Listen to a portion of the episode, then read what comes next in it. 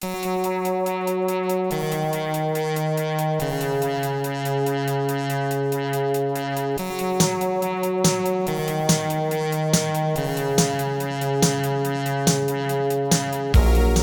to First Draft with me, Sarah Enni. Today I'm talking to Victoria Schwab, author of A Darker Shade of Magic, Vicious, The Archived, and you know what? If I list all her books, we'll never make it past the intro. Suffice it to say, she is prolific and has written for middle grade, YA, and adult audiences. Victoria has been in Scotland for a while now, getting a postgraduate degree, and I was thinking I'd have to plan an elaborate vacation to be able to speak with her. But luckily, she had a stop in LA while on tour and was kind enough to make time to chat. She'd been on the road for a solid week, doing events every day, and had just signed books for three plus hours.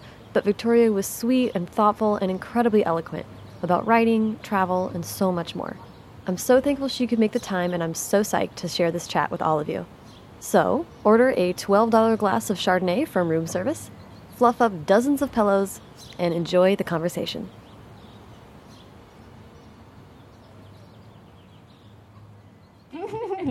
Um, and let me just do the levels. I'm very loud. Do you? Um, I'm. do you this is- project? Yeah, I, I can project. If, if No, this should you're- be loud enough. you're perfect. I don't whisper.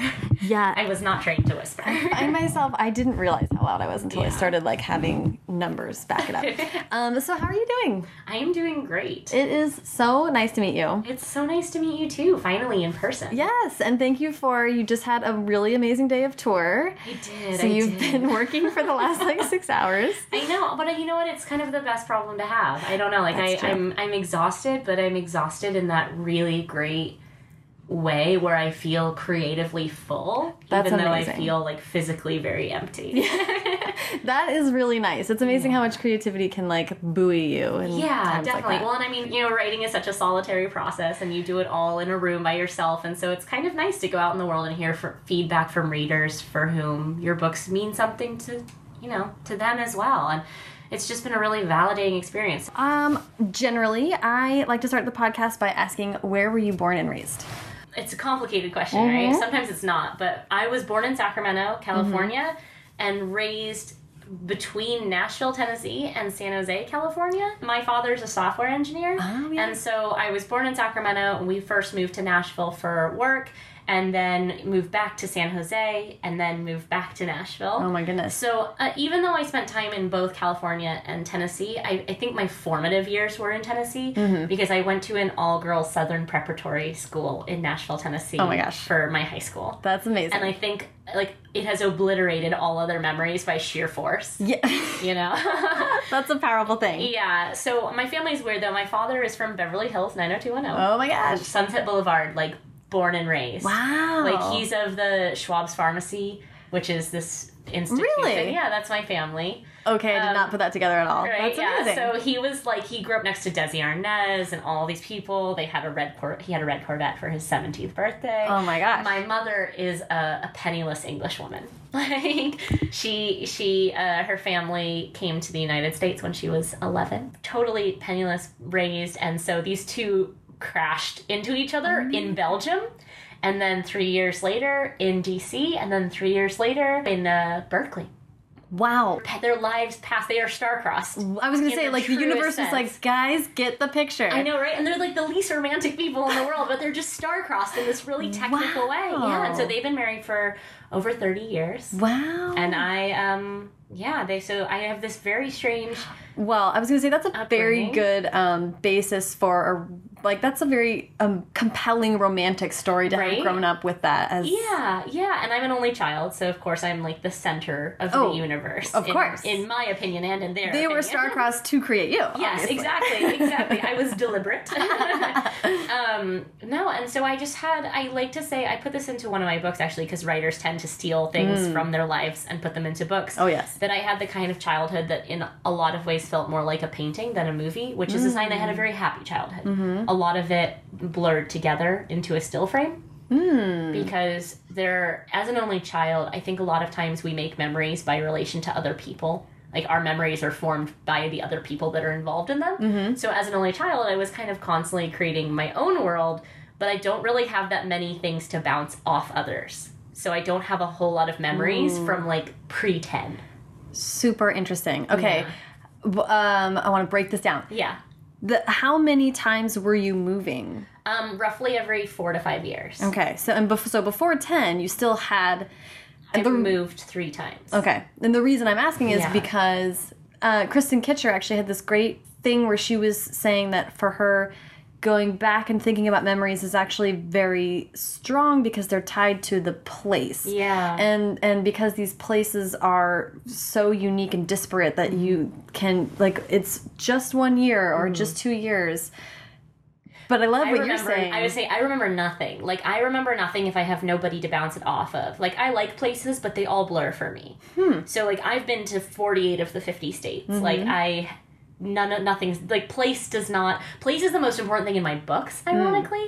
Like I build setting first, but for me I I'm very like I have a very hard time with memory. okay. And so I think I associate memory with people. Like the memories I do have are extraordinarily bold because of the people in them. They have like very, very strong personal emotions to them, whether they're extreme disappointment or sadness or joy.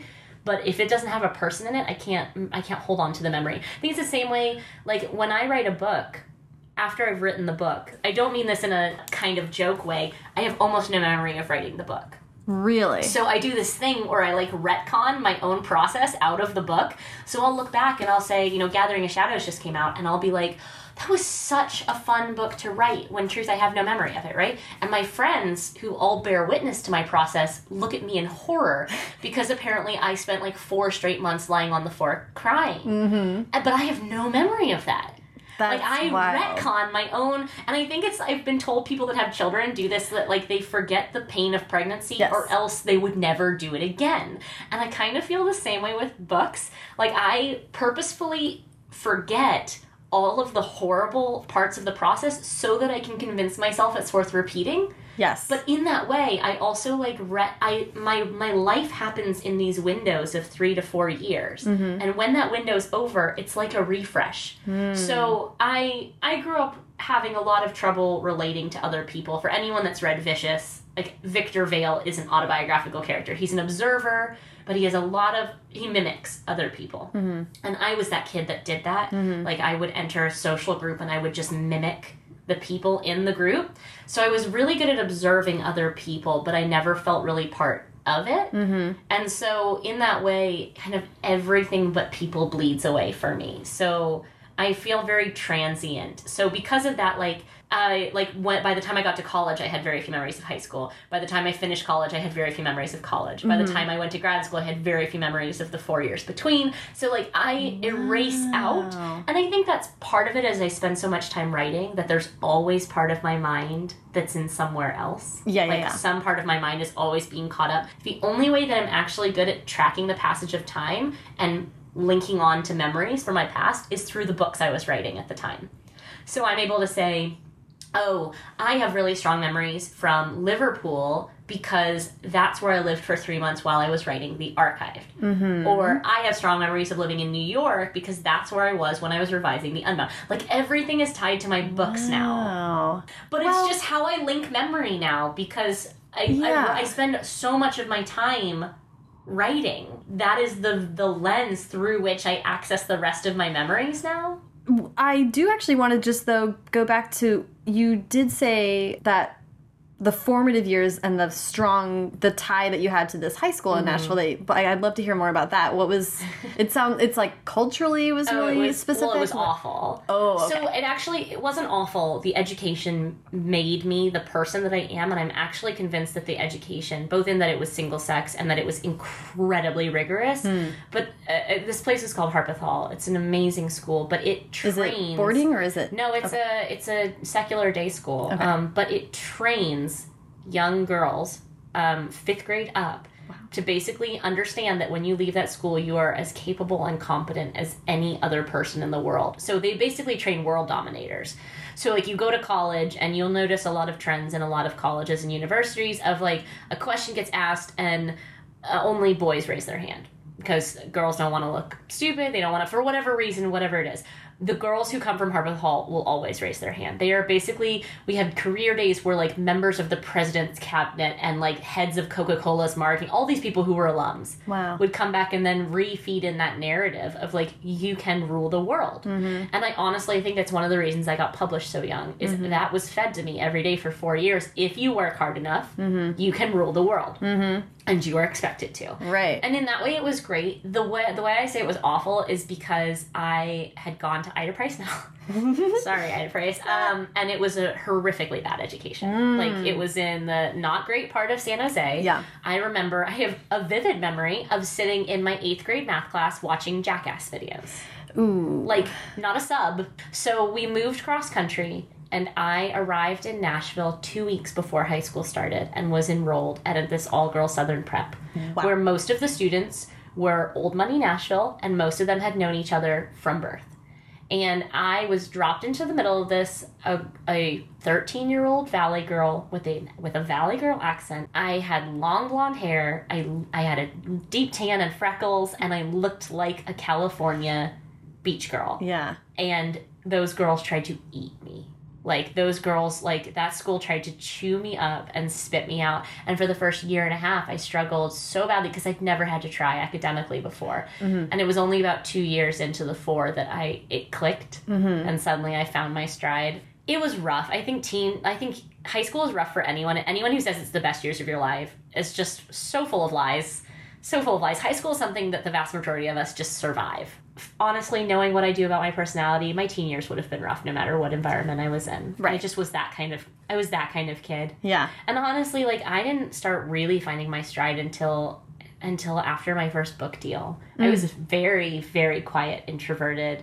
I started YouTubing, like doing YouTube videos after my first book sold just to get myself comfortable talking to Just an talking. audience. Yeah, yeah, yeah. talking to an audience. Yeah. Before that, I was so painfully shy. I was so painfully introverted. And I still am an introvert, but publication has given me a lot of confidence that I didn't have before because Yeah. I knew what I wanted, but I had none of the validation. And it's a little bit of trial by fire in and of itself. Oh, yeah. Because you just sort of have um, maybe maybe a skill that it sounds like perhaps you found in um, high school or maybe this is what you found for yourself Yeah. later is that I think the skill that you need to survive publishing or truly any other industry if you really want to make a career in something and and, and own it for yourself is like figuring out how to define goals.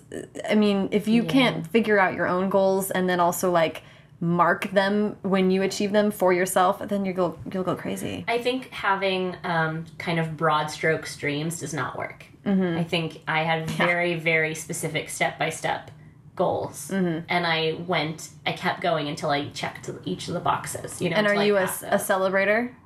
A note note the time. I think I'm not very good at celebrating. Well, it's one of those things that it's so individual and it takes some balance, but it is a hard thing. You know, anyone who is a writer is stubborn, is persistent, is uh, immediately loses the memory of whatever. I mean, it's just like we're, we're perpetual goal setters. We're just these like weird driven mole people, Yeah. and like figuring out how to stay sane while you are embracing the positives that that can bring. It's really tricky. I think the other part of that, to be frank, and this is a tiny bit of a downer. I swear I have like lots of like happy yeah, we're gonna get to the good stuff. is like I don't trust good things. Hmm. I think publishing has taught me not to trust things. So while I, I have like a, I give myself a small celebration, but I don't ever let myself dwell on the good Right. because it's so fickle. It's so much easier to trust in the bad. But I've I've been burned enough times in publishing that I just. I don't ever want to settle in long enough to celebrate something because I have this fear it'll be taken away. And And it can be. It absolutely can be, which I think then celebrating the things like I hit my word count. Exactly. I finished this book. It teaches you to celebrate the things in your control because this industry creates so many external measurements of success. It's very tempting to fixate on those. Mm-hmm.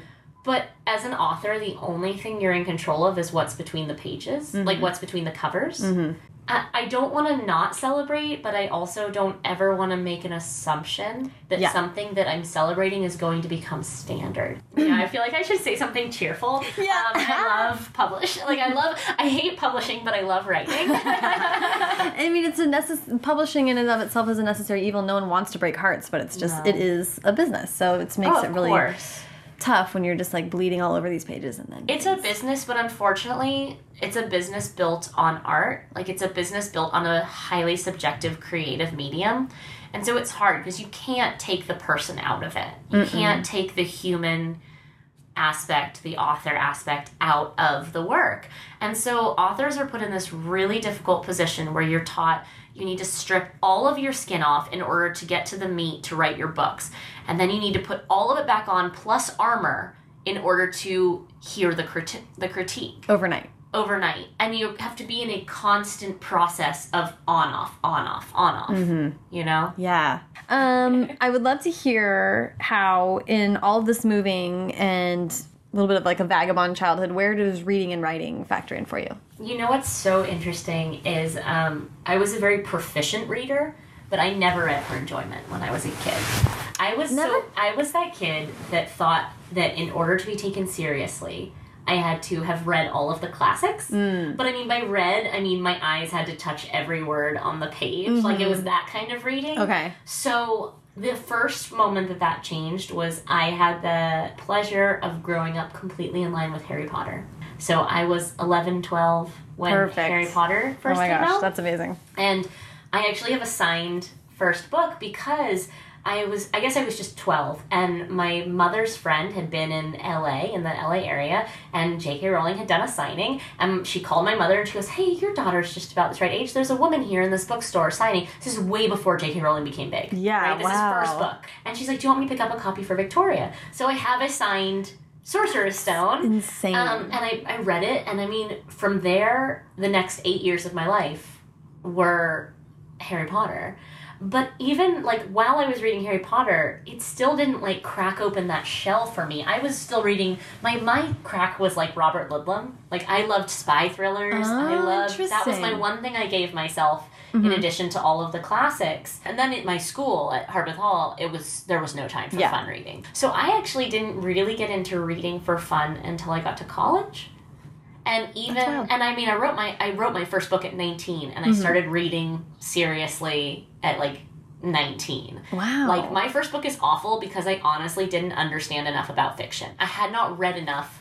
Like I the first book that never got published. Right, right, right. My first book that I ever wrote, I honestly didn't even understand the mechanics of a book, like of a, a fantasy novel. The other reason I didn't have time to write books is I was a competitive soccer player like Oh, for really? 13 years. Wow. Like my goal growing up was to go to the World Cup. amazing. So I actually, between all of the different sports that I played, but primarily soccer, there was not a free moment outside of school. No, people who play competitive soccer. Yeah, I mean, we no were time. at away games every single weekend, Yeah. training two to three times a week, and that's that was middle school. Mm-hmm. You know, so What was your position? I was a sweeper stopper. Whoa! Like I was it. the last defense before goalie. I was the one that just like took out everybody. yes, yes, So- slide tackling. And then I switched from I got injured and I couldn't really do it anymore. And so then high school I was a competitive fencer. But I was a very serious athlete. And so that's where all my time went. Yeah. So really writing like reading in that sense didn't even register for me mm-hmm. because I didn't spend my weekend in a library. I spent my weekend in the pouring rain on a soccer field, Yeah. you know, getting a black eye Yeah. in one of the state championships because I slid into someone's elbow, That's you know? amazing. Um, and so it wasn't a part of my life in that way. Plus, I started out writing poetry. Okay. So I spent all of high school writing really, really bad poetry that became progressively less bad, and then I was I was named poet laureate as a senior. That's amazing. So I got I was really serious into that, but I didn't really have any any attention span. Well, but it's it's always fascinating to me how people who end up Mm-hmm. writing it does express itself in a lot of different ways. Oh yeah. But despite the fact that you were so busy Mm-hmm. and doing so many different things, that you still felt compelled to write it down, to write anything down. And Oh, and not only that, but I mean, I was telling stories. So like, I never thought. I always, I had really big attention issues, right?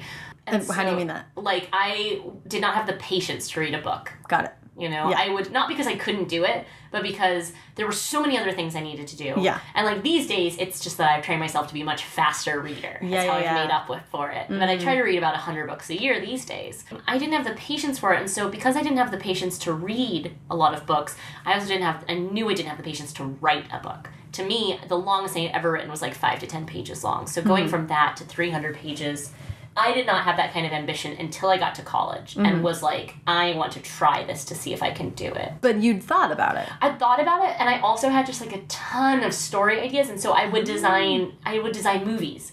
I would like I would create stories and then I would make all my friends act them out. So I was doing a lot of storytelling. I just couldn't I hadn't found my medium yet. And even when I got to college, I went through poetry, short fiction, nonfiction, and screenplays before I was willing to try long form fiction Wow. because I did not think I had the patience. And I will admit, the first time I did it was like sheer stubbornness as a sophomore. I just wanted to see if I could get to the end of something. yeah. And I did. And it was like Alice in Wonderland, except with less plot, which really tells you something because it's like, it was just such an acid trip of a book. Because I was obsessed with Kelly Link at the time, Oh, and yeah, she writes yeah. these super acid trippy short Oh my God. stories Yes. but they work really well as short stories, right? And so I basically tried to emulate her, but then in long form. For 300 pages. It was awful. It was so bad. It was so bad. But I mean, I I went through so many different forms before I found fiction. But it's it's always just so fascinating. What were you studying in school, by the way? Where'd you go to school? Um, so I went to WashU, Washington University Oh, okay. in St. Louis. I went for astrophysics. Once I found my stride at Harpeth Hall, I was a huge calculus and physics nerd.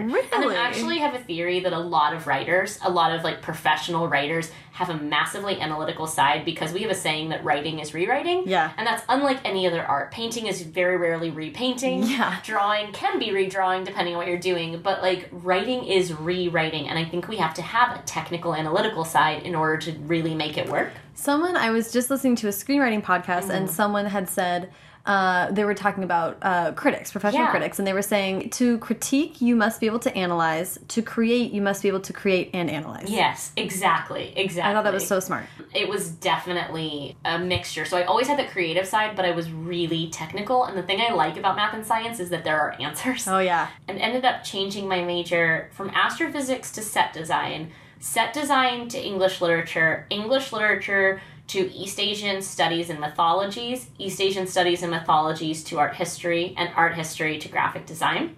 They finally, my parents said, just please graduate. so I was like a second semester senior in graphic design, and um, I wanted to change it again. And my parents were like, "We know you're gonna write. Yeah. you're clearly gonna write." Because what those four years taught me was that what intrigued me so much was the narrative behind each subject. I would study a thing, I would learn its story, become fascinated in it, and then once I thought I understood it well enough, I wanted to move on and try something new. Mm-hmm. And really, what that should have told me was that I was best suited to writing books mm-hmm. because you get to become expert in a thing for a year to two years mm-hmm. and then you move on. I miss the quantifiable Well, of being a student. you do give yourself gold stars, I do. So a variety of I color know, stars. but you know what? It saves my sanity. I like. I'm very, very big into measuring. Mm-hmm. I have this calendar system wherein I keep track of daily progress of and we have notes that we put in the podcast. So I'll link to your. Okay. It's really important, I think, especially for most creative types, to, to keep track on a daily basis of your accomplishments. Mm-hmm. Um, and so I have stars for reading, stars for writing, stars for exercise, like whatever is most important in my life at that time. I find it so helpful, and I struggled a bit with um, with anxiety. And so when I would have an anxiety spiral, I would lose like two to three weeks of time, mm-hmm. and I wouldn't be able to keep track of it, and I'd have nothing to show for it, and it was exasperating. Mm-hmm. And so having that daily accountability really helped, even if it was just putting down 500 words, Yeah, to make sure I had something on that day. yeah. It's Just all wanna- about positive reinforcement. Yeah, Like, yeah, yeah. I think like the best editorial relationships I have are where there's positive reinforcement. Not because I need someone petting me constantly, but because this is an industry in which we tear ourselves down at such a rate that sometimes it's nice having someone else not do it. Yeah. Like writers down talk themselves more than anybody else out there. Like if you've ever thought of a negative thing to say to a writer, that writer has already said the negative thing to themselves meaner, much cruder. meaner, much meaner. So it's not that I think that all like that we as writers need our hands held by our editors, but I just think that the the benefit of positive reinforcement alongside critique is incredible because most writers are not capable of positively reinforcing themselves, but they are capable of critique. Mm-hmm. And so to have an external force which is providing the critique that's echoing what you have already inside, but also positive reinforcement to keep you from burning the book down. Mm-hmm. I think that's invaluable. I can't count the number of conversations I've had with editors, mine and others, where I've said that, and they're like, "Well, the I mean, I wouldn't have bought the book if I didn't love it. Like, I just don't. I don't believe in wasting time." On reinforcement and I'm like, but it's so important. Like it's like called sandwich critique and it's you start with a positive Mm-hmm. Yeah. you get to a negative and you end with a positive Okay, but you know how like most editors interpret this these days is like one sentence of positive reinforcement, 17 single space pages of everything that's wrong, and then a last sentence of I believe in you. Like I more feel like we need less sandwich critique and more like people who stack Oreos like five times up so that it's like positive, negative, positive, negative, positive, negative, positive, negative. possibly also just send oreos Right, with your exactly, exactly. Like I think they should come with them, but I think that so we've taken sandwich critique and we've we've thinned the bread. I don't even read those beginning and end sentences because I see them for what they are. Yeah, I yeah, see yeah. them as the like pat on the head before we get to work. yeah Whereas I can't tell you how much it means to have an editor like comment within the margins of a manuscript. Yes. This is stunning. Don't lose this. yes Because then I know, oh yeah, I haven't failed at everything. Yes. And then I can rip the rest of that sentence or rest of that page or rest of that chapter to shreds. Mm-hmm. And I'll do it with a smile. Yeah. Because I'll be like, but this this paragraph is wonderful. Yes. And those it's like those little things they go a long there's way. they go the longest way they're Yeah. just so necessary. if you're listening, editors, please do this. I've had a lot of editors at this point. Like, it's so helpful. i'm so fascinated with how you became a reader and the stuff that brought you to reading and now how your books reflect i mean this the thing that stands out to me so much about you, you have many many many books that are out there but what is consistent throughout them is they take these genre elements and mash them together. Legends uh, magic epic fantasy sci-fi a bunch of different things and then sort of combining them in ways that are really really unique. And i can't help but think that has to do with you have so much classical reading background and then growing up with magic the way you did. I think think that's a large part of it. I also just like at the end of the day, I was a child who wanted the world to be stranger than it was, and so I'm a writer who writes the world stranger than it is. I, I'm just I love the fantastical, but I love it most when it's put up against the real. Mm-hmm. And I remember reading things like Susanna Clarke, uh, Jonathan Strange and Mr. Norrell, and Neil read that this year. Gaiman's Neverwhere, and these books wherein the magical exists it right alongside. So I like to believe that there's magic in the world and that I just haven't found the way to access it. Rather than so as much as respect as I have for things that are like Tolkien and and other world fantasies, Mm-hmm. I'm much more intrigued by the idea that it, that magic is pressing right up against our world and we just haven't figured out how to reach it. yeah So I want my magic close enough to touch, or I want my supernatural element or my sci fi element, whatever it is. I want it to be right there and just out of reach, but not so far that we have to take a leap of faith. Mm-hmm. The more leaps of faith we ask of the reader, the fewer can come with us. Right. And so I want to make the fewest steps possible for my readership mm-hmm. and still so i want magic to come to them like i want Yeah. just the same way that like even like hogwarts and harry potter it's not set in another world it's set a train's ride away from london just yesterday we had a First Draft event where in which Victoria Aveyard passed on advice that she got from someone else where she said you within one work you can get the reader to believe one unbelievable thing yes and that's what you get I believe that. I think it was Holly Black who said at one point that the more fantastical the thing you're writing, the stronger the the world of the real has to be. So like the more realistic. the Darker Shade of Magic series Mm-hmm. and how you I'd love to hear sort of how you conceptualize that and and talk about creating rules Yeah. to make that magical world No. feel more real. I'd love to. One of the things that people always think of when they hear that I write fantasy is, oh, so you have a carte blanche to do whatever you want. Whereas the way I see it, the more fantastical, the more rules I need to have. I don't ever want to just see it as like, and now I can include everything in the kitchen sink. Mm-hmm. Instead, I approach my fantastical world building with the idea that there are rules in nature and therefore there are rules in everything that I create. And now I try to make those rules as intuitive and natural as possible mm-hmm. because I think nothing takes you out of a story faster than having to sit and think and be like, wait, let me connect these in threads in my head and try and see if I can follow along. Yeah. That that kills me. Yeah. I like my fantasy to be highly accessible and I want you to fall into it instead of kind of having to push through the weeds Yeah, yeah, yeah. to get into the world. I want you to just fall straight in. My least favorite thing is when you're the reader and the author asks answers a question that you weren't asking. Exactly, exactly. I want you to kind of find your way in. And so with the Darker Shade series, uh, it, you know, it involves a magician with the ability to move through alternate versions of London. We have four Londons. We have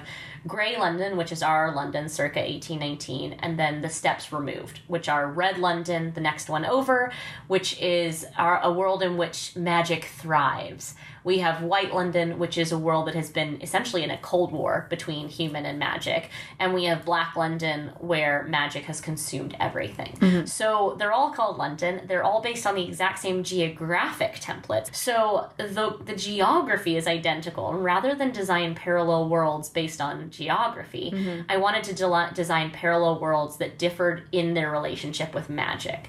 And so because magic is this fundamental, I call it my God concept, because it's a natural thing which is in everything but of nothing. It is that extra, it is the umami of the Ah, magical world, right? that, yes. so, in that sense, then it allowed me to shape these worlds instead of doing it geographically based on how they interacted with magic. Because magic is so akin to nature in them, it really did shape their entire world. Yeah. So that allowed me to create four very, very different worlds mm-hmm. based on the exact same template and in a way that would be intuitive for the reader. Mm-hmm. So a lot of the motifs I use in the book, I try to choose motifs uh, like like, like the color pattern, mm-hmm. but also this idea that these worlds are like pages in a book side by side. You have to turn through them in order. I chose motifs that I hoped would be extremely intuitive to the reader. Yeah. Is that and you mentioned earlier that setting is the first thing to come to you. Yeah, so I get ideas for characters, but I don't flesh them out first. The thing I get first is the setting. Uh, so I design my world, and then I design the people who populate my world, and then I design the outsiders. And my characters are always outsiders. Hmm. So before you can design the people who are at odds with the people of your world, you have to design the people of your world. And before you can design the people of your world, you have to design the world. Right. So I go in that very holistic manner of needing to understand. So I designed the Londons, mm-hmm. and then I designed the societies of each London, and then I designed the people who did not fit. Wow. So it's kind of it's kind of it seems like it would be a reverse order, but it actually creates what I hope are the most believable characters possible mm-hmm. because people are such a product of their environment. And so often, like the character type that interests me most is a character which is born in a place but does not feel of that place. Right. So I almost every one of my books has what I call an insider outsider. So mm-hmm. they're a character of the place. So Kell was born in Red London or in the Red World and does not feel like he belongs. But there's a lot of question about like where do they belong. Delilah Bard is a product of Grey London who has never felt like she's belonged in Grey London, mm-hmm. uh, and then she becomes a very literal outsider in Kell's London. Mm-hmm. So I love playing with insider-outsider relationships, but in order to do that, I really have to understand the baseline societies. Mm-hmm. how much of that is you sitting down in a Word document and writing all this out? Very little, actually. I try to do it as loosely as possible because, you know, you're designing a big arc over multiple books and then a small arc of that one book. I don't want to pin myself in by something that I then can't play with mm-hmm, later, mm-hmm. but I also need enough of the world on the page to make it believable. Yeah. So I try to put in just enough to give you the sense that there's something off screen. Mm-hmm. I try to be very, very careful with my fundamental rules, so I'm never ever going to break a fundamental rule, but by not delineating every single detail of the world and what's possible and what's not possible, I build in the freedom to then play with things. So I build in the freedom to introduce an artifact or an object, which is obviously within the magical framework of how magic functions and behaves, mm-hmm. but I don't have to have introduced that framework. Right. Right. Right. You know, I don't have to have introduced object X in book one in order to play with it in book three, Yeah. as long as object X is a believable artifact of the framework of magic I've made. Yes. So, okay, and the other thing that I think is really interesting and that I feel like is maybe a repeating theme in your work is the idea that two people are sort of bound together on a journey and they bring out the demons and the better natures of one another. That's so you could I could not have put it better myself. That's very accurate. I really love foils. Mm-hmm. Like foils are my favorite. Two characters foiling, um, and it's really interesting because Kell and Lila are foils, but so are Kell and Rhy. Mm. So Kell and his brother are Mm-hmm. also total foils for each other. So I like like this is the first project wherein I've actually created multiple foil systems. So there's a character in um, there are a couple new characters in Gathering of Shadows who also foil for each other. Mm-hmm. Ah. So there's kind of a, a myriad because I think that It's a foil web. It is a foil web, and often we have to simplify it in Mm-hmm. fiction down to one to two foils. But if you look at your life, there are we, most of us have numerous foils who bring out both the best and the worst in us. Mm-hmm. Kell and Lila are so fun to write because to Kell, Lila is maddening. Kell and Rhy are so fun to write because Kell is earnest and Rhy is not. Mm-hmm. And I mean, in Vicious, Yeah. it ends up being a little bit. I mean, there's like some destroying aspects Oh, to it. absolutely. So Vicious, Victor and Eli, I have never had more fun writing characters because they're infatuated with each other. Like these are two men, borderline supervillains. Like one considers himself a hero. It's not, neither is a hero, but like who are mutually infatuated. It's not just like one of them is infatuated with the other. They're in such a mutually assured destruction mode. Like they they just want to end each other in a lot of ways. It was, which was the the only redemptive quality of the Superman Yeah. uh, mythology to me at all was that Lex Luthor and Superman were like totally into each other. Totally, which is so much fun, right? Because it brings out the slash fic in everybody. I to the point where, like, when I read the first version of the script for Vicious, it was so slash ficky in like a couple places. But it's true, and I actually, so I really like towing the line between infatuation and erotic. Yeah. because I think that like it's something we get to see a lot more recently in fan fiction. Maybe not like much more than like ten years ago, right? Mm-hmm. Oh, yeah. But like even now, you watch something like Hannibal, and they totally play with.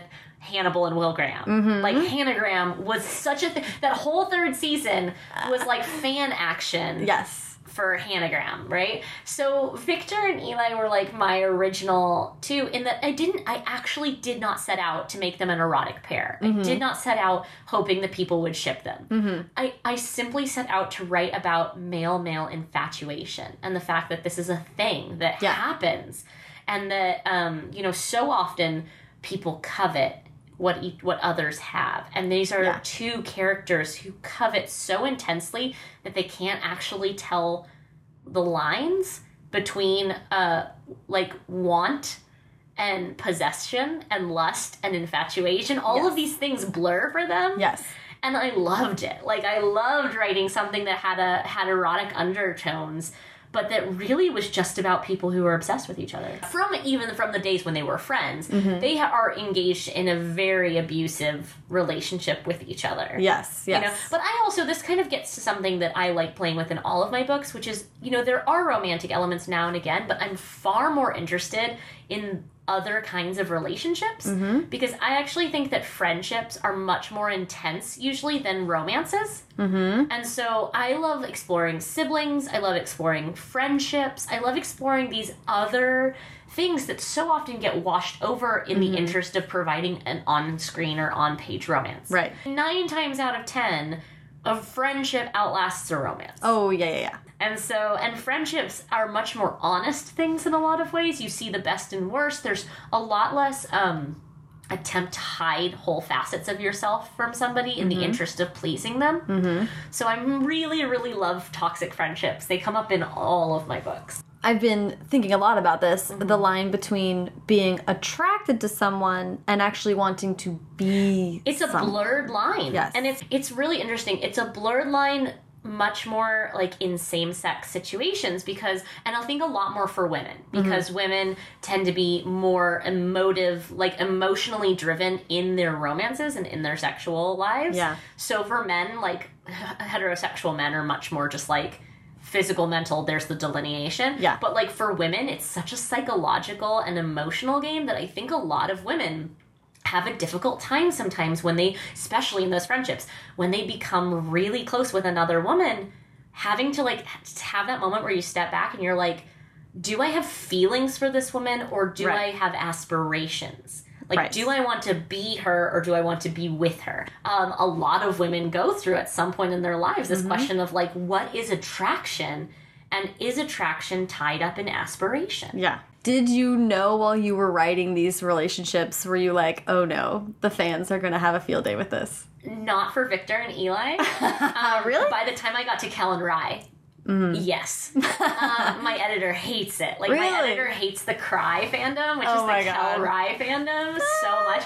I love the Vili kids. Oh, the yeah, yeah, Victor yeah. Eli kids are my favorite because I honestly had no idea That's so funny. I knew I was writing uh, an infatuation narrative, but I didn't. For some reason, I might have just been a little early to fandom, like to the nature, the way fandom has manifested these days. Mm-hmm. Right. It was a little early to like the Tumblr age of fandom. Yeah. At that point, because this came out in like 2013, Mm-hmm. and I was just starting to get into Tumblr. So I think if I had had another like three months on Tumblr, I would have anticipated it. yeah. Instead, I just thought people would like. I prepared myself for people to come to panels and ask about the homoerotic undertones. Right. I did not anticipate the like quantity of slash fic Yeah. and shipping that would happen. it's magic. Like I love it. Mm-hmm. I love it so much. Um, but I certainly didn't anticipate. But then, because of my experiences with Victor and Eli, when I got to Kell and Rhy, and I think it's just now that I like writing same sex relationships, not like necessarily romances, but same sex tensions. Mm-hmm. I the the Kell Rhy one cracks me up because I should have known at that point, but I still didn't quite. Yeah. Um, and then it just amused me, but like I say, it drives my editor crazy. She's like, "They're brothers," Ah! and they're not, of course. They're raised together Mm-hmm. as companions, and I would actually like. Miriam, I'm so sorry for saying this. I would equate it more to like um, Achilles Patroclus. So, like, if Mm-hmm. anyone has read Song of Achilles, which is an extraordinary love story between Achilles Patroclus, these are two boys who were raised together. Yeah. You know, Achilles and Patroclus, from like the age of like eight or 9 Mm-hmm. were raised as brothers. So, I actually see the Kell Rhy thing a little bit more like that. Yeah. Except for the fact that like Kell was like five and Yeah. Rhy was four, so a little too young. They are basically brothers. It's fine. Um, the two characters are irrevocably bound now to each other Mm-hmm. in the series, which just. I should have known it would make things a lot worse in the fandom because, like, one of the first questions I had to answer in book two was like, okay, so when one feels pain, the other feels pain, but like when one feels pleasure, what happens? Yeah, yeah, yeah. Uh -oh. And so we had to make this hierarchic system of like the more intense the thing, the more the other one feels, and it's skewed towards like pain. Okay. Obviously. But like it was, I knew, and I remember my editor reading it being like, "You're now just feeding them, like you're feeding the fans." And I was like, "I can't, I can't help it." She's like, "Stop stoking the fires of this illicit love story," Oh and God, I was like, "But it's so much fun." Uh, there's there is it's so interesting that now as a writer and particularly with this age group which is like so you know like just like a ferocious love for these books and, and these experiences that teens have i love that a writer can have you can be writing the book Mm-hmm. and then you can be thinking about the extra book like Oh, yeah. Like this world that your book will have and and exist in that is not canon but Yeah. like is it's just a part of And there are several, like, I definitely have gotten to take a few moments where I just step back from what I'm doing and think about, like, how the fans will, like, eat something up. So there's, like, a line wherein even when my editor, there's a very, there's a moment where she's like, this is just ridiculous. now." Because ah! there's such a, like, a wink at the fandom in one scene of mm-hmm. Gathering of Shadows where a character is dressed up as Kell and has that character has actually had a previous relationship with Rhy. And Rhy's like don't worry I stopped sleeping with him when he started dressing up as you. And Kell's like I I like really don't feel better about anything right now. Oh my God. um, I've changed that scene in the in the recitation here just a tiny bit so as not to be spoilery but like but it just cra- like, it's so much I just it humored me so much and then my editor was like please stop please stop I see what you're doing here. I know. Oh my god, that's amazing. um, oh, I love that. I would love to talk about the Darker Shade of Magic t- uh, TV Oh, yeah. deal and writing a screenplay because you mentioned earlier that screenplays ha- were one of the forms you sort of tried. Yeah. So I'd love to hear you just sort of say how this came about and what made you decide to try your hand at that. Um, So the television rights sold about seven months ago, and they at the time uh, I had watched Vicious go through a lot of the movie deal process, and as exciting as it is, it was really frustrating not having any creative control. Yeah. because that's hard. We write the book, and then the rest of it's kind of out of our control. And Yeah. so when the producers for the Darker Shade series came to me, and they basically were like we kind of like it as it is. We don't want to change that much. We just want to deepen it. Mm-hmm. Would you be interested in writing the pilot? And that would essentially give you creative control over the entire aesthetic for the show. Ooh. And and I I couldn't turn it down. It was a lot of work and I had no idea what I was doing and I spent the next 6 months messing up and messing up and messing up and mm-hmm. and I was lucky enough to have a producer who would hold my hand and walk me through nine drafts. and they weren't nine drafts from scratch, but they were like considerable revisions each time. Right. And it was such an educational process, but I couldn't I just I had to try and I think the thing is like the film industry and the TV industry are so fickle, but I wanted to know that no matter what happened, I was proud of the product that was circulating mm-hmm. with my name on it. What I wrote was creative control, parens, novelists as control freaks. Yes, we are. We're total control The freaks. ultimate control Well, we get to be the gods of our own world. Oh my god, we, yeah, yeah. Like we are the gods. We dictate everything. It's been totally fascinating to read a lot more about screenplays because I'm going to, I was like, I have to try to write one. Just yeah. writing in any kind of different medium always enhances everything else that you ever write. And like, learning more about the process of that and learning how little control screenwriters even expect to exert over this insane. I thought that a lot of my preciousness had been beaten out of me, and then I was like, "Oh no, no, no, no!" No. I'm, and now I'm realizing that this is why novels are like home base. Yeah. because you just top to bottom, you control every aspect of it. Yeah, I mean, here's the thing, and I said this today in this panel that I was on. Uh, as an author, you control everything between the covers. Mm-hmm. Everything. You don't get to control the cover. You don't get to control the marketing. Yeah. You don't get to control anything else. But for the world between the two covers of your book, you are in. You are the last word. Mm-hmm. And, and so I always say to writers, like when they're on the fence about whether or not to do an edit, or whether it is, or whether they're feuding with an editor or something, I always say you have to remember one, nothing is written in blood and stone. Like we can always be better than we are. And so I, I do say, like, if people are hearing that critique, then even if they don't agree with the exact critique, they should notice that someone is is snagging Yeah. on something. You never want someone to snag. Yeah. But at the end of the day, it's your name on the cover, and you're the one that has to be able to stand up for that. You know, your editor, as talented as they are, is not have their name displayed on the cover, nor does your agent or your critique partners or anything. And so, if you're not 100% certain that you can stand up in defense of what's between the covers of your book, then that's not good. Yeah, and I like I like what you said about snagging on something because I think that's really important.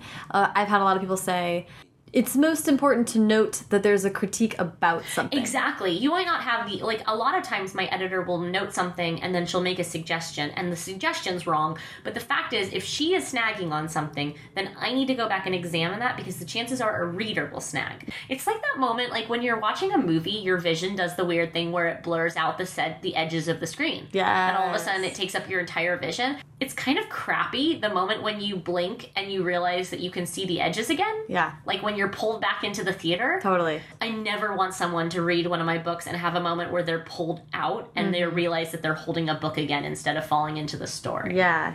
Um, and let's talk about the Savage song. 'cause That's going to be the next one coming up. Oh, because I was so compelled to the description of the Savage song Mm-hmm. because lately something that I've just like can't get enough of is a discussion about girls being monsters. Yeah. And girls discovering and embracing whatever is within them that Mm-hmm. is monstrous. Yeah. So this book is playing right into my hand. I would love for you to just sort of break down what this book is about. This- How did it come to you? What give us a spiel? Um, this book was actually inspired in large part by a quote from Vicious, Ah. which was the most quoted like if you go to Goodreads, I'm pretty sure it's still the most quoted quote, which is plenty of humans were monstrous and plenty of monsters knew how to play at being human. Mm-hmm.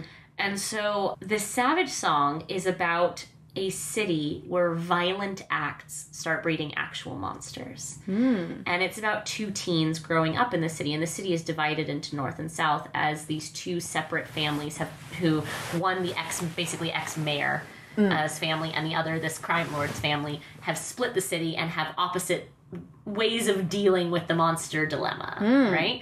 And so it's about two teenagers growing up in this city. One of them is a human girl, the daughter of the crime lord, Okay. who wants to take over her father's empire, or at least wants to prove her worthiness. And she has been cultivating herself to be monstrous. She has been basically trying to like strip the humanity out. Meanwhile, the son of the other side mm-hmm. is a monstrous boy. Mm-hmm. He he's I say a son, but he's an adopted son. And he is one of the rarest kinds of monsters born, the kind born out of mass tragedy. Whoa. And he was born out of a school shooting. And his name is August. And he is the most cinnamon roll to ever cinnamon roll. He is the saddest, sweetest character. And all August wants is to be human. To the point where he's starving himself. So he's this rarest kind of monster that only feeds on souls. Whoa. And um and he doesn't want to because it makes him obviously feel very monstrous to do this thing. And so it's about these two teenagers who are thrown together in this city and they're both just trying to survive in their own way. Okay. So the whole thing is this like existential question. It's my it's my 10th book. It is my strangest by far and I'm so excited because it's basically Romeo and Juliet minus romance plus monsters. Mm -hmm. yeah. And so it's my YA vicious, I say in a lot of ways. okay, like okay. it's very it's I like to think that Verity, which is the location of this, and Merit, which is the location of Vicious, could be in the same world. Well, there's a, the obvious question of what is human, mm-hmm. but it also seems it seems like there's the pull between what is still human in a very ambitious person. Oh yeah, definitely. And so a lot of it is Kate having to decide does she really want to be monsters? And honestly, Kate, when I first started writing her, I thought she'd be a victor. I thought she would be um, sociopath, but she's not at all. She is something much more complicated. She is a totally like healthy human who wants to be a sociopath because Right. it would make living in this world easier.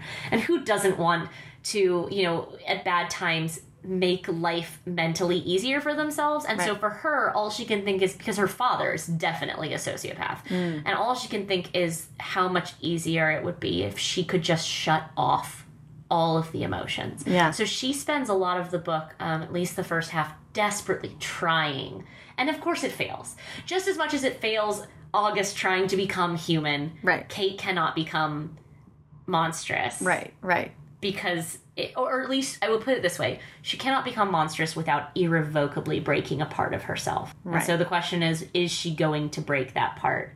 It seems like the kind of thing where it's like how could that possibly be one book? Do you know when you have something like this that you're like, "Oh, I'm in this." um it's a so it's a duology which at least i knew i had two books but i it's, i kind of look at it as a diptych. So if anyone knows art a diptych is kind of like this opening little picture frame kind of thing a picture like a locket i knew what i wanted each side of the diptych to look like. Mm-hmm.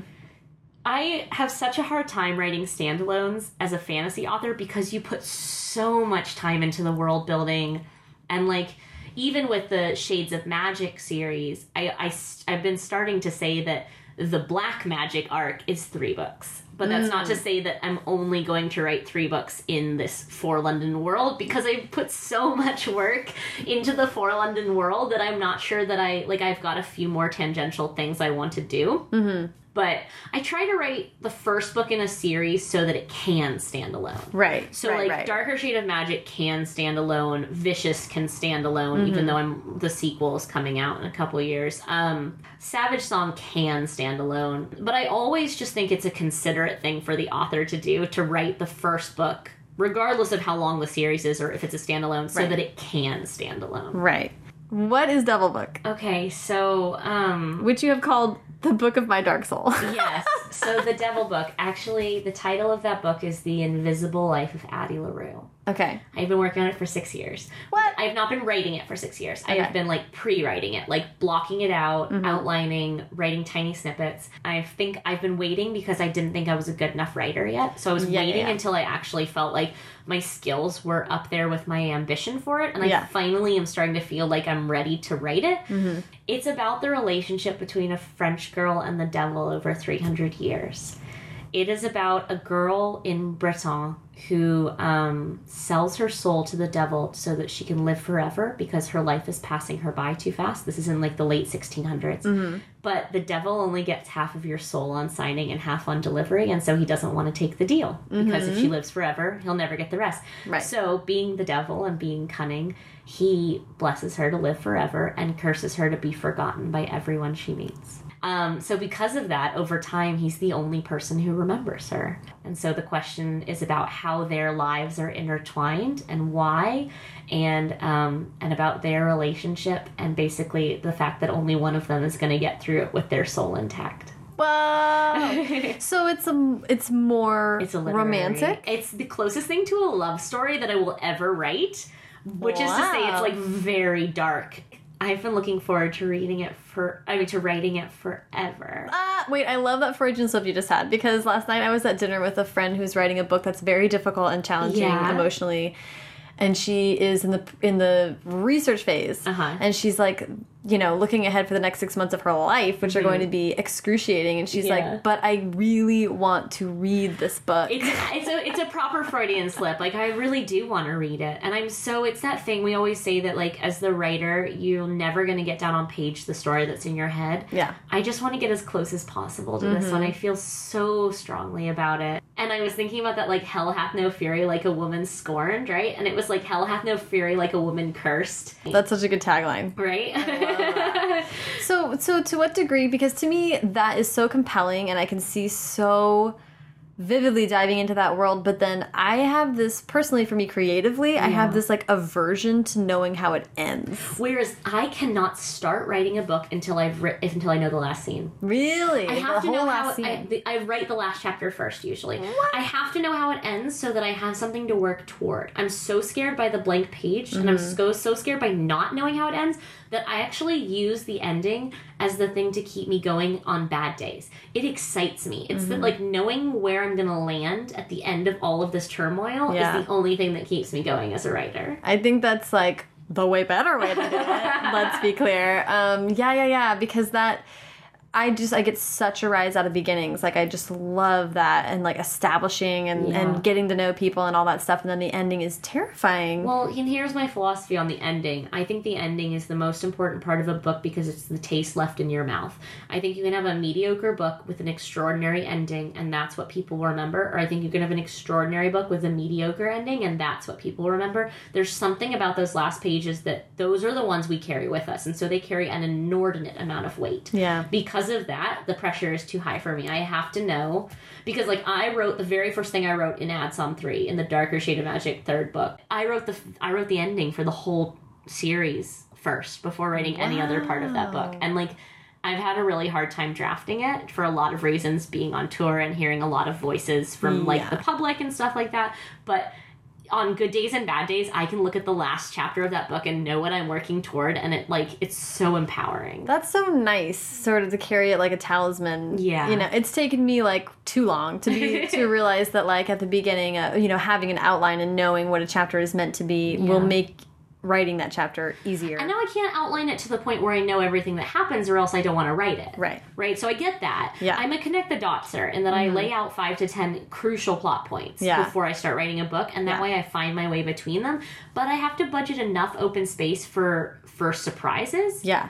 But I don't want to budget too. Like I don't want to wander five fifty thousand words in the wrong direction. Yeah. I don't want to do that. I don't have the soul for that. But I No. also, more than anything, I wouldn't actually mind wandering that far if I still knew the ending. Hmm. The not knowing the ending, um, for a long time, I did not know how the Savage song was going to end, and it drove me crazy. And then I didn't know how the sequel was going to end, the Hmm. the and the second segment, and I could not start writing the sequel until I knew exactly what the last scene was going to be. Um, we usually wrap up with advice, so I'll just ask you for advice, and then we will leave our um, listeners with a promise that we will do this again. Yeah, yeah, definitely. You know, I split my advice most of the time into two.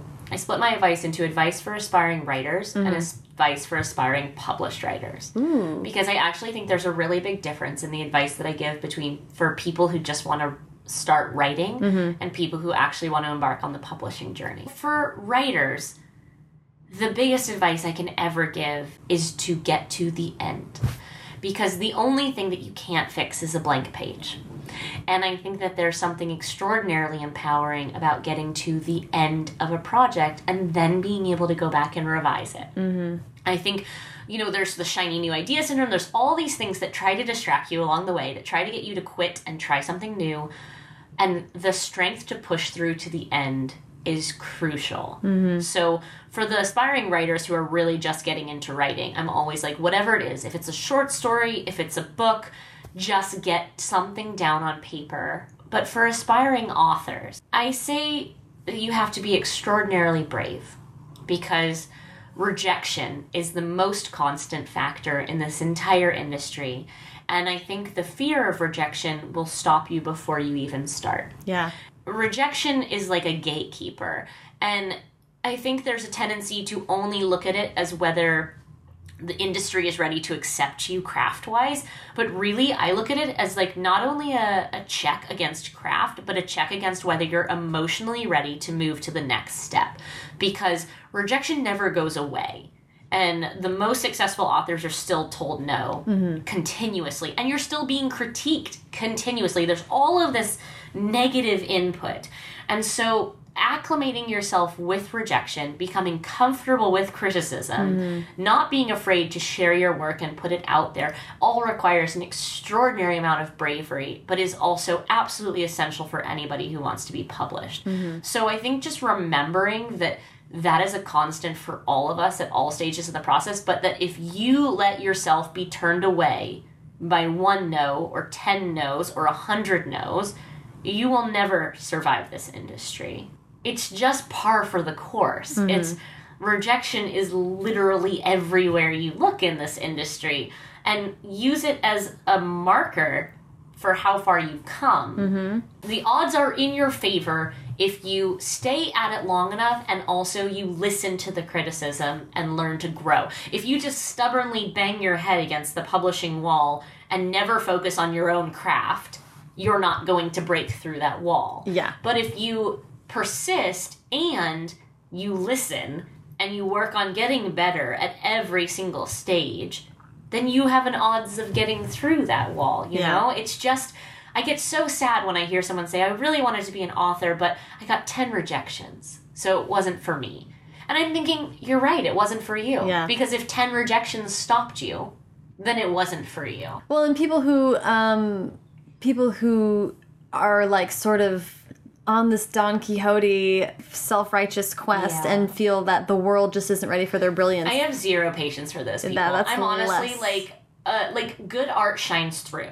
Like if you write something that is truly that as good as that person thinks it is, Yeah, yeah, yeah. you'll get a home for it. Yeah. Like you'll find it.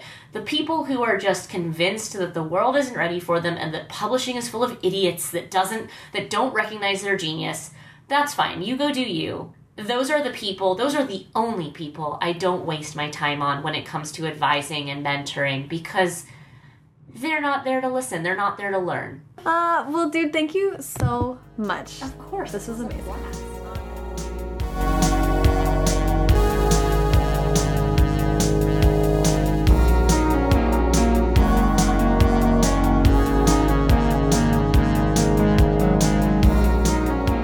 Thank you so much to Victoria. Follow her on Twitter at VE Schwab and follow the show at First Draft Pod and me at Sarah Enni. You can find the show on Facebook and get a sneak peek at future interviews on Instagram. But for links to everything Victoria and I talked about in this episode, as well as my favorite quotes and a backlog of more than 60 other episodes, check out firstdraftpod.com. Coming up in April, there are a handful of opportunities to see me and or First Draft podcast live and in the flesh. First, I'll be at the Los Angeles Times Festival of Books, moderating some incredible panels on Sunday, April 10th. It's one of the best book events in the country every year, so I strongly encourage you to come check it out. Then I'll be in Dallas, Texas for the North Texas Teen Book Festival on April 23rd. I loved going to this event last year, and I'm so happy the organizers are making it an annual fest.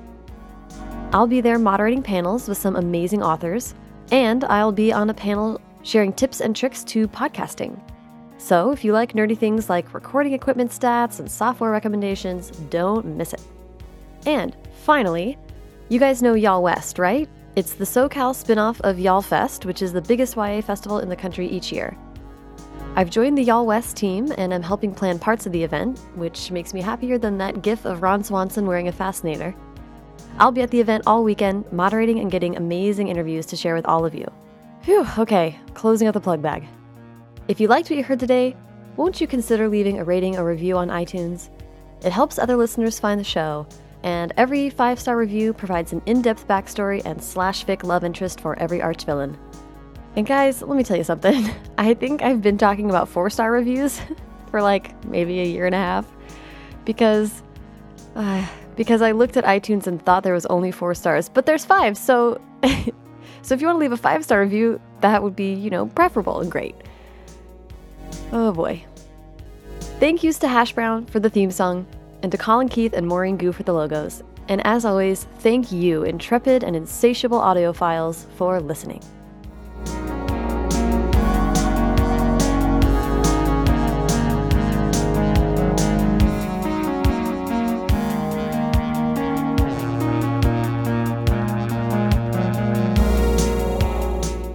Yeah. This is amazing. so sorry, where were we going next? Okay, let me unwrap my noisy, your- the noisiest wine glass. This is amazing, by the way. I'm super into this. I feel like a real housewife.